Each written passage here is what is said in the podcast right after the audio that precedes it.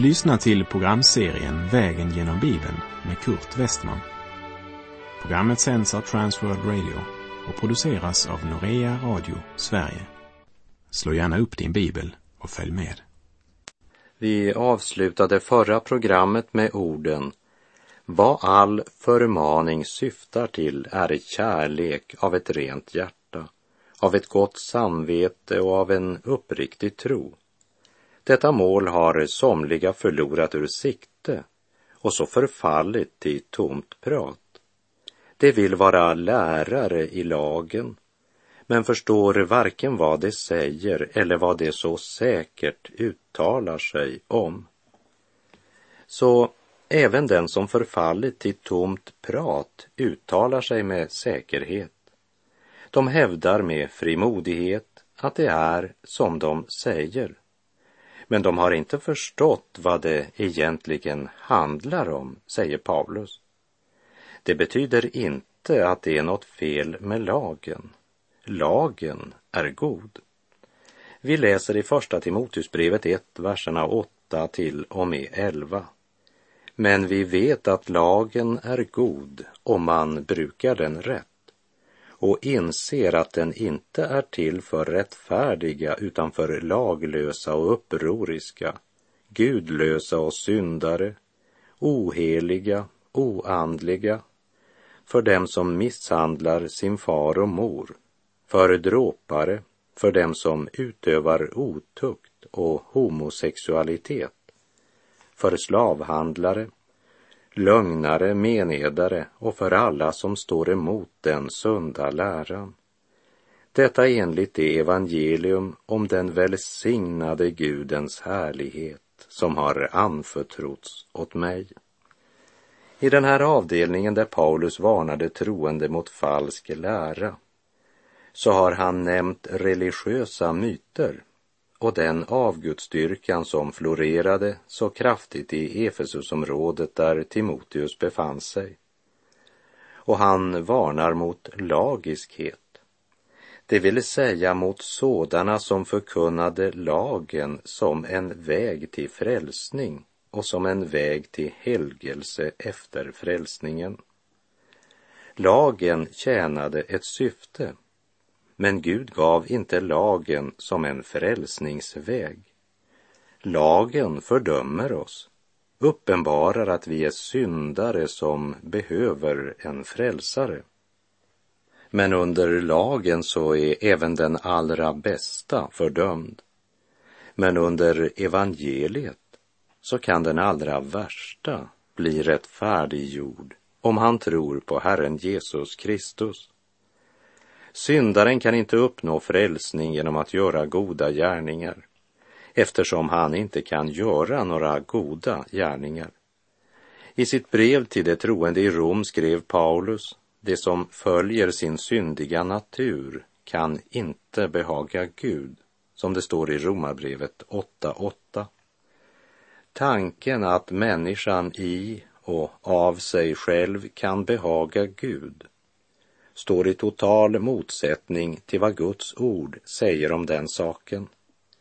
Det är alldeles omöjligt för vår fallna natur att vara Gud till behag. Goda gärningar kan inte frambringa frälsning, men frälsningens gåva kan skapa goda gärningar.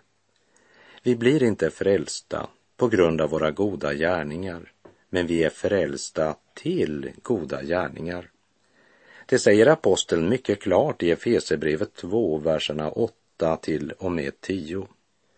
Ty av nåden är ni frälsta genom tron, inte av er själva. Guds gåva är det, inte på grund av gärningar för att ingen ska berömma sig. Ty hans verk är vi, skapade i Kristus Jesus till goda gärningar som Gud har förberett så att vi ska vandra i dem. Därför skriver han till sin unge medarbetare Timoteus, men vi vet att lagen är god om man brukar den rätt. Etiskt och moraliskt så är lagen helt förträfflig. Den ger en mycket god vägledning om hur vi ska uppföra oss och leva. Den är som en spegel som visar att vi inte är rena. Men spegeln kan inte tvätta oss rena, bara avslöja smutsen. Lagen kan inte frälsa en syndare, bara väcka honom till insikt om sin synd och skuld inför den helige Gud. Och det är det som är lagens uppgift. Lagen är god om man brukar den rätt. Vi läser vidare första Timoteusbrevet 1, verserna 9 till och med 11.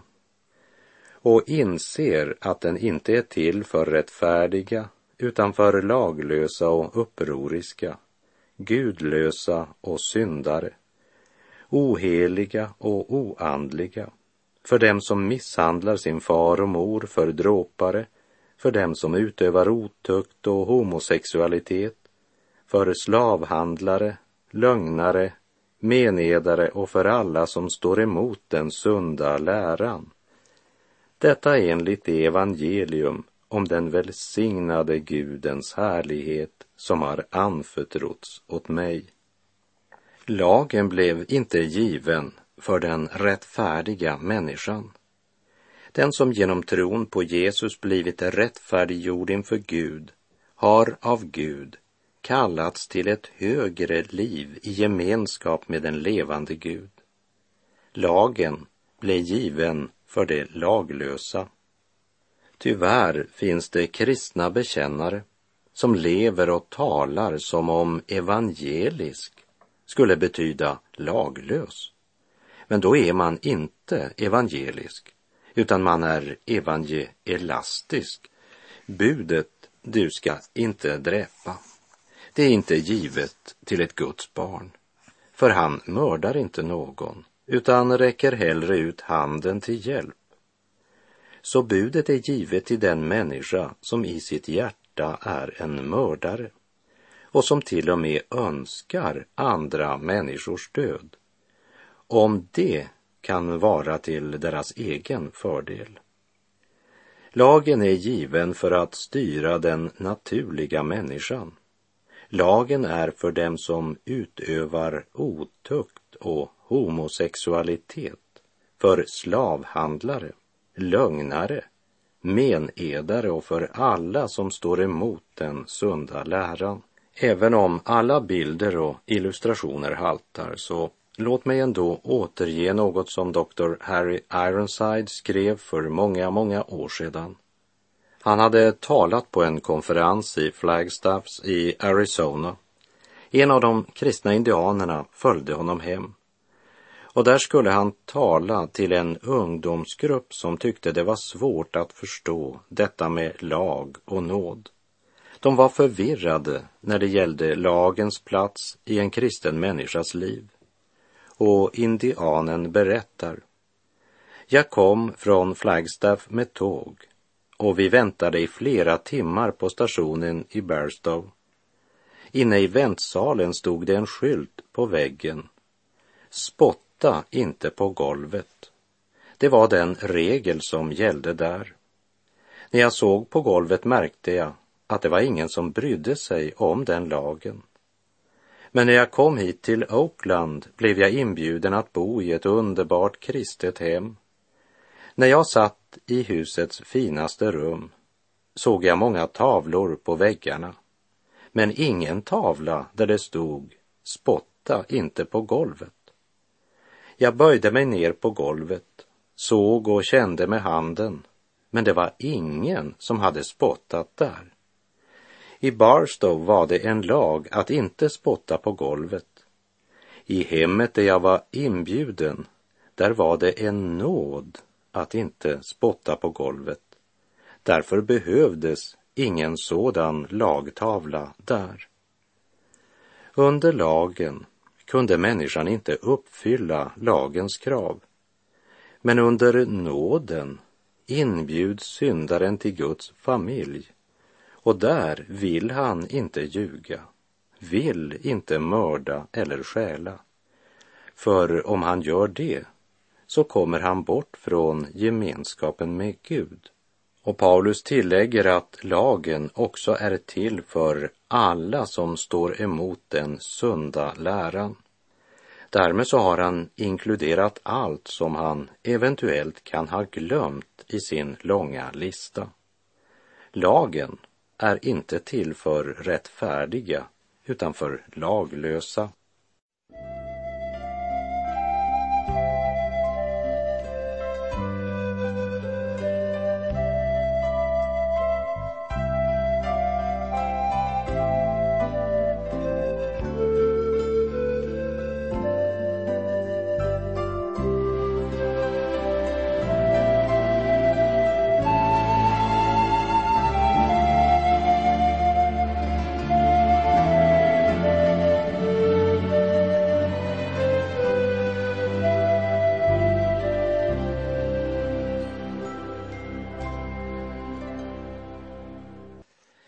Läser första Timoteusbrevet 1, verserna 12 och 13. Jag tackar honom som har gett mig kraft, Kristus Jesus vår Herre, för att han ansåg mig värd förtroende och tog mig i sin tjänst, fastän jag förut var en hädare, förföljare och våldsman. Men han förbarmade sig över mig därför att jag i min otro inte visste vad jag gjorde. Efter att Paulus varnat för att använda lagen på ett felaktigt sätt gick säkert hans tankar till hans egen tidigare träldom under lagen. Då han med Bibeln i hand, stor teoretisk kunskap i huvudet och med enorm iver kämpade för Gud mot Jesu vänner. Men så fick han ett personligt möte med Gud. Och det vände upp och ner på alla hans tidigare tankar om vad som var viktigt för Gud. Och då brister tacksägelsen ut som en vårflod. Han säger inte, jag kan ingenting, jag förmår ingenting. Det kunde nog ha verkat både fromt och ödmjukt, men hade i verkligheten bara varit självcentrering. Paulus är mycket väl medveten om sin skröplighet, men han fokuserar inte på den, utan han riktar hela uppmärksamheten mot honom som har gett Paulus kraft. För när Gud kallar någon till tjänst utrustar han också sin tjänare med kraft ifrån höjden till att vara hans vittne. Idag råder det ofta stor missförståelse omkring detta med tjänst i Guds rike. Alla som tror på Jesus står i en helig tjänst och är kallade att först söka Guds rike och hans rättfärdighet framför allt annat. Vi är kallade att låta den helige Ande verka en daglig förnyelse i våra hjärtan. Prioritera Guds ord och bönen så att vi inte fattar lust till världen och kompromissar med synden i våra liv. Vi är kallade att vandra i goda gärningar som Gud har förberett för att vi ska vandra i dem, säger Efesierbrevet 2.10. Det som Paulus ropar ut till den unge Timoteus. Gud har inte bara förlåtit mig alla mina synder, och de var både många, mörka och stora. Men han har kallat mig att ge detta budskap vidare till andra. Jag ska få vara med och rädda syndare från syndens mörker och till Guds underbara ljus. Jag har fått privilegiet att förmedla förlåtelse, glädje, frid och evigt liv. Halleluja, är det inte underbart? Han tog mig i sin tjänst, fastän jag förut var en hädare. Hädare. Paulus använder detta fruktansvärda ord. Hädare, alltså en gudsbespottare. Paulus hade hånat Jesus och hans efterföljare. Ja, han hade hatat Jesus och hans vänner. Kanske hade han varit närvarande vid korsfästelsen och hånat tillsammans med de övriga av de skriftlärda och fariseerna och den stora folkmassan som drogs med i den växande suggestionskraften. Paulus säger att han varit en hädare och förföljare som hade motarbetat församlingen som är Kristi kropp. Men Gud förbarmade sig över mig därför att jag i min otro inte visste vad jag gjorde, säger han. Vi läser första Timoteusbrevet kapitel 1, vers 14. Vår Herres nåd överflödade och med den tron och kärleken i Kristus Jesus. Paulus blev frälst genom Guds nåd och denna nåd förde honom till tro och kärlek i Kristus Jesus. Och vi läser vers 15 och 16. Det är ett ord att lita på och värt att på allt sätt tas emot. Att Kristus Jesus har kommit till världen för att frälsa syndare och bland dem är jag den störste. Men jag mötte barmhärtighet för att Kristus Jesus skulle visa hela sitt tålamod främst mot mig och låta mig bli en förebild för dem som skulle komma till tro på honom och vinna evigt liv. Det är mycket centrala verser i vår bibel som stadfäster att Jesus har kommit till världen för att frälsa syndare. Han kom inte för att bli en världsberömd lärare eller guru. Han kom inte för att vara ett moraliskt exempel, även om han också var det. Men han kom till jorden för att frälsa syndare. Det är ord att lita på och värt att på allt sätt tas emot. Hör du det? Det är värt att på allt sätt tas emot.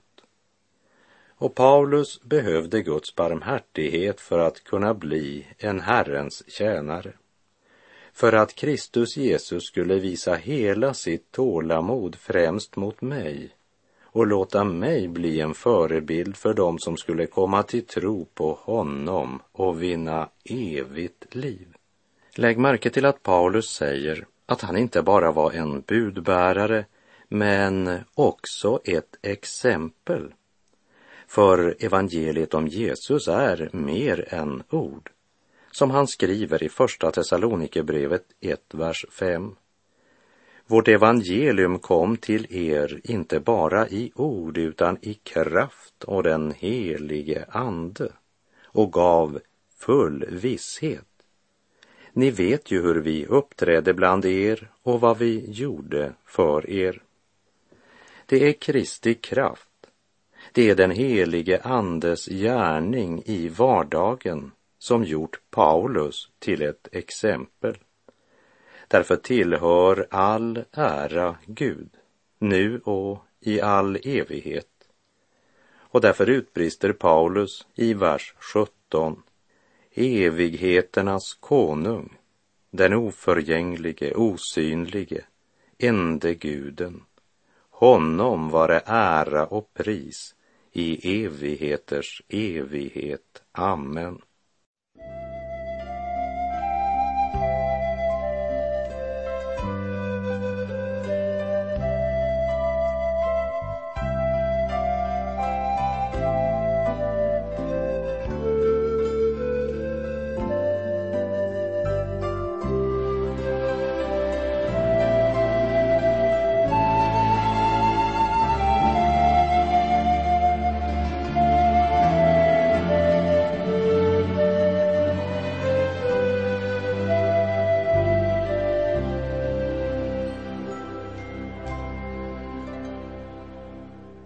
Kapitlet började med att Paulus uppmanade Timoteus att stanna kvar i Efesus och förmana.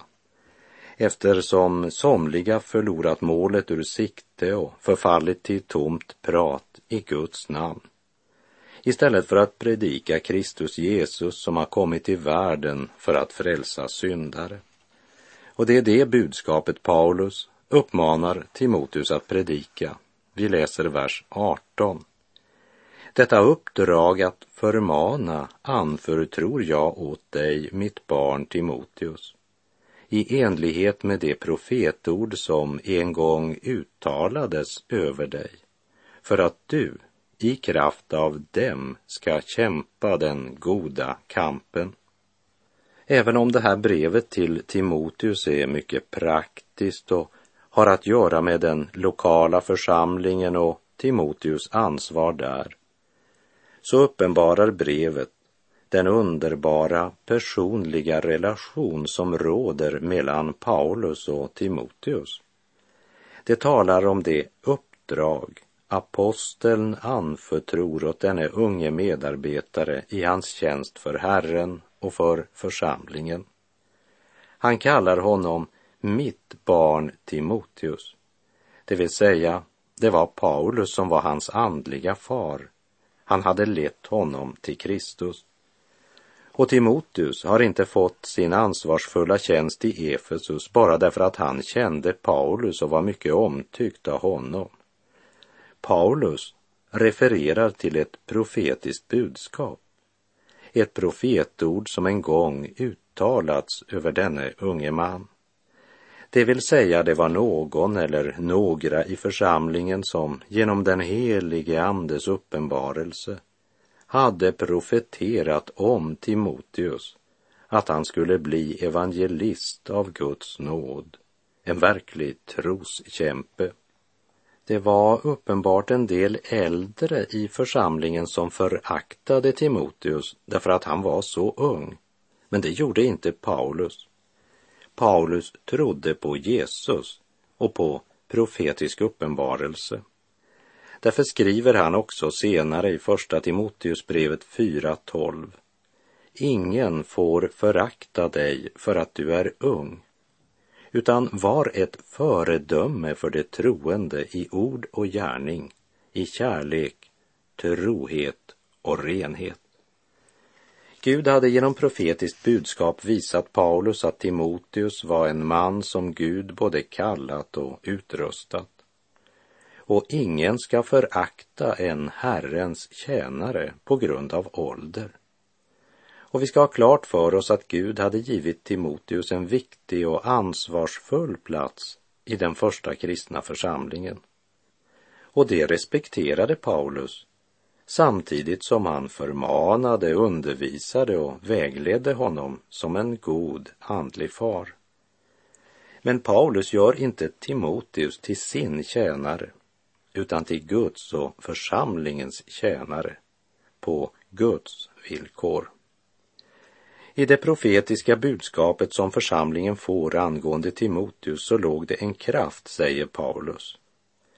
Detta uppdrag att förmana anförtror jag åt dig, mitt barn Timoteus, i enlighet med det profetord som en gång uttalades över dig, för att du i kraft av dem ska kämpa den goda kampen.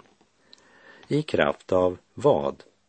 i kraft av det profetord som en gång uttalades över den unge Timoteus. Idag är man väl ofta mera upptagen av examenspapper än av profetord och andens uppenbarelse. Paulus uppmanar Timoteus att kämpa den goda kampen. Ett profetord, en andens uppenbarelse, betyder inte att allt därmed skulle vara enkelt eller problemfritt. Tvärtom, ju klarare ton trumpeten har, desto kraftigare blir motståndet från fienden. Och som kristen hade Timoteus en verklig fiende. Han var involverad i ett andligt krig. Paulus påminner honom om profetorden som uttalats över honom för att han i kraft av dem ska kämpa den goda kampen i tro och med ett rent samvete. Detta har somliga stött ifrån sig och lidit skeppsbrott i tron, säger Paulus i vers 19. Det kristna livet är inte så enkelt som en del människor försöker få oss att tro. Det är lite mer komplicerat än att gå på grön gubbe och stå stilla när det är röd gubbe. Vi har alla vår egen personlighet, våra egna svagheter. Och det är inte alltid lika lätt att skilja på det som är våra egna tankar och det som är Guds vilja i alla saker. Tro och ett rent samvete är nyckelord för alla Guds barn. Detta har somliga stött ifrån sig och lidit skeppsbrott i tron. Vi läser vers 20. Bland dem är Hymneus och Alexander som jag har överlämnat åt Satan för att de ska tuktas så att det inte hädar. Det handlar om män som börjat på trons väg, upplevt Herrens under i sina liv, men som börjat kompromissa med samvetets röst och med vad Guds ord lär. De hade en gång haft sin plats i Kristi församling, men tron och det rena samvetet fick ge vika för kärleken till världen. De har förlorat den saliggörande tron som inte kan förenas med falsk lära och ett orent samvete. Överlämnats åt Satan, ja, det vill säga genom att uteslutas ur församlingen eftersom de inte tillhör den utan tillhör världens rike där Satan är härskaren. Tuktas så att det inte hädar. Denna församlingstukt var inte för att tillfredsställa Paulus besvikelse eller av hämndbegär. Det var i hopp om att kunna väcka dessa avfallna till besinning så att de kunde vända om. Vad bestod hädelsen i? När man bekänner sig till tron på Kristus men inte lever i ljuset utan medvetet går emot samvetets röst när man börjar med tomt prat istället för att undervisa i Guds ord. Ja, när man förvränger Guds ord och lever i synd, då hädar man Gud. Ansvaret för församlingen i Efesus var ingen lätt uppgift. Timoteus kunde aldrig, aldrig klara av det i egen kraft. Därför påminner Paulus honom om det profetord som en gång uttalats över Timoteus genom Andens uppenbarelse. Och så uppmanar han honom att strida i den profetiska kraft som finns i Guds ord och som Herren har uttalat över honom. Och med det så är vår tid ute för den här gången.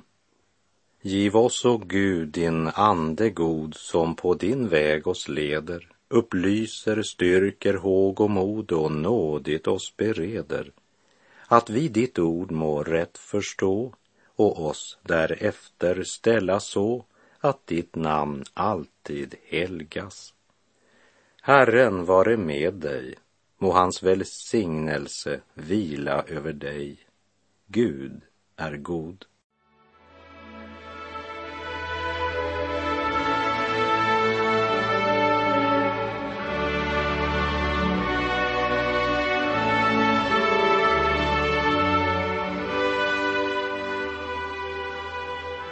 Du har lyssnat till programserien Vägen genom Bibeln med Kurt Westman som sänds av Transworld Radio. Programserien är producerad av Norea Radio Sverige. Om du önskar mer information om vårt radiomissionsarbete så skriv till Norea Radio Sverige, box 3419 103 68 Stockholm. Adressen är alltså Norea Radio Sverige box 3419. Postnumret 10368 Stockholm.